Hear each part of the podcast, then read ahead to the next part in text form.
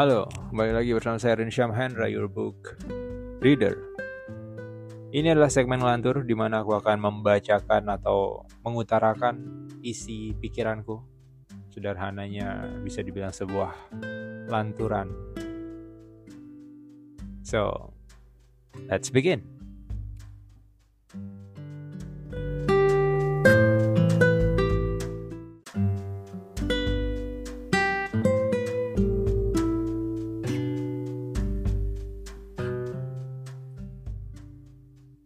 Hidup tidak sesingkat itu.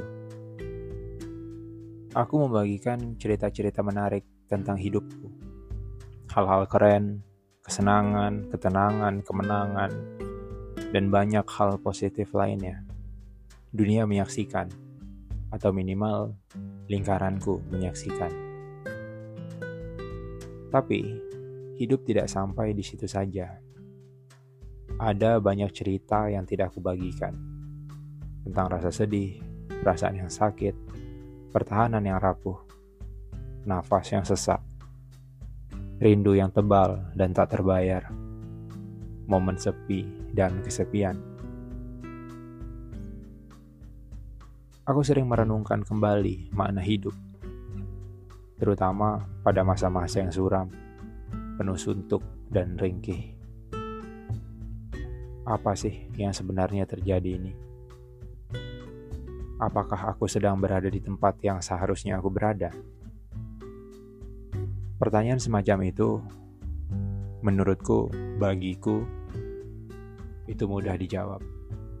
Ya, di sinilah aku seharusnya. Setidaknya sekarang. Aku percaya bahwa kita selalu ada di tempat dan waktu yang tepat, setiap saat. Tapi bukan itu masalahnya hidup ini, hidup ini untuk apa? Ke mana arahnya? Mana yang lebih utama antara tujuan dan prosesnya? Menikmati apa adanya atau mendaki puncak yang ada apanya? Yang mana? Aku sering berpikir bahwa hidup terlalu singkat untuk diperjuangkan, terlalu berharga untuk disepelekan Terdengar logis, bukan? Sebuah pandangan yang berorientasi pada keduniawian dan sangat egois. Tapi aku pikir lagi, itu tidak sepenuhnya benar. Pikiran itu tidak benar sepenuhnya. Hidup terlalu singkat untuk diperjuangkan. Aku pikir sih tidak. Hidup sama sekali tidak singkat sangat panjang, bahkan tak berlebihan jika aku katakan bahwa ya, kehidupan itu abadi. Kita manusia adalah makhluk abadi dan kehidupan itu sendiri abadi. Kamu mungkin membayangkan masa hidupmu secara biologis sebagai manusia selama 70 sampai 100 tahun. Waktu yang singkat jika dibandingkan dengan usia bumi atau usia alam semesta. Tapi jika dipikir kembali, kehidupan yang kita jalani saat ini, apakah ada dipengaruhi oleh kehidupan kakek buyut kita? Atau keluarga besar kakek buyut kita? Atau lingkaran pertemanan kakek buyut kita? Atau bahkan orang-orang yang tidak kita kenal pada 500 atau 1000 atau bahkan sejuta tahun yang lalu? Apakah ada? Itu tarikan ke belakang. Dan jika diulur ke depan, kehidupan yang kita jalani saat ini, apakah ada pengaruh terhadap kehidupan anak cucu kita, atau keluarga besar anak cucu kita, atau lingkaran pertemanan anak cucu kita, atau bahkan orang-orang yang tidak kita kenal pada 500 atau 1000 atau sejuta tahun yang akan datang apakah ada?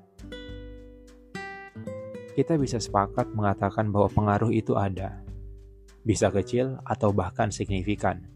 Dan jika tidak sepakat, tak mengapa. Tapi sebelum kalian benar-benar memutuskan untuk tidak sepakat, ada sebuah kisah menarik yang ingin aku ceritakan. Singkat saja. Ini kisah tentang seorang jenius bernama Archimedes, seorang ilmuwan Yunani yang mati pada 212 sebelum Masehi. Dia ini orang yang sangat cerdas, sendirian melakukan revolusi besar-besaran tentang ilmu pengetahuan. Banyak penemuan fantastis yang lahir dari kecerdasannya. Dia banyak membantu Yunani dalam perang menghadapi Romawi. Dia seorang aset nasional. Pada suatu waktu, Yunani kalah Pasukan Romawi menaklukkan mereka dan Archimedes tewas. Banyak ilmuwan percaya, jika saja Archimedes tidak tewas pada saat itu, dia bisa membawa dunia kepada modernisasi sampai seribu tahun lebih cepat. Segala hal yang ditemukan Newton dan, e, dan Einstein mungkin akan lebih cepat ditemukan. Itu hanya teori, tapi bukan itu intinya. Yang ingin aku katakan adalah orang-orang yang hidup pada masa itu melakukan hal-hal yang mempengaruhi kehidupan kita di masa ini. Begitupun ke depan, hal-hal yang kita lakukan saat ini mempengaruhi kehidupan orang-orang di masa depan. Sebuah mata rantai yang tidak bisa putus dalam rangkaian peristiwa. Aku ingin menggambarkannya dengan contoh yang ya sedikit lebih sederhana dan dekat dengan kehidupanku. Saat ini usiaku 25 tahun. Mungkin aku mati di usia 80 tahun. Sekali lagi, mungkin. Atau anggap saja memang begitu. Sebelum sampai ke ujung cerita, yaitu kematianku, aku menikah dan memiliki seorang anak. Segala hal yang aku lakukan pada istriku akan mempengaruhi anakku. Segala hal yang aku berikan pada anakku akan mempengaruhi anakku. Segala hal yang aku ajarkan pada anakku akan mempengaruhi anakku. Singkatnya, segala hal yang mempengaruhi anakku akan mempengaruhi kehidupannya, kemudian lingkungannya, kemudian juga mempengaruhi keturunannya. Kemudian begitu terus sampai 500 atau 1000 atau bahkan sejuta tahun kemudian. Aku rasa ya kita semakin dekat dengan kesepahaman kan. Kemudian hari itu tiba, tepat di usia 80 tahun, nafas terakhirku berhembus. Sebuah waktu yang singkat jika dibandingkan dengan usia bumi, usia alam semesta. Tapi apa kehidupanku sungguh telah berakhir? Pengaruh yang aku tanam dari lingkaran terdekatku, yaitu anakku, atau mungkin keluarga besarku, atau teman-temanku, atau bahkan pengaruh yang diterima orang-orang yang bahkan tidak aku kenal, masih ada di situ. Masih ada di setiap sela nafas yang berhembus. Masih ada di setiap langkah-langkah yang penuh keraguan ataupun keteguhan.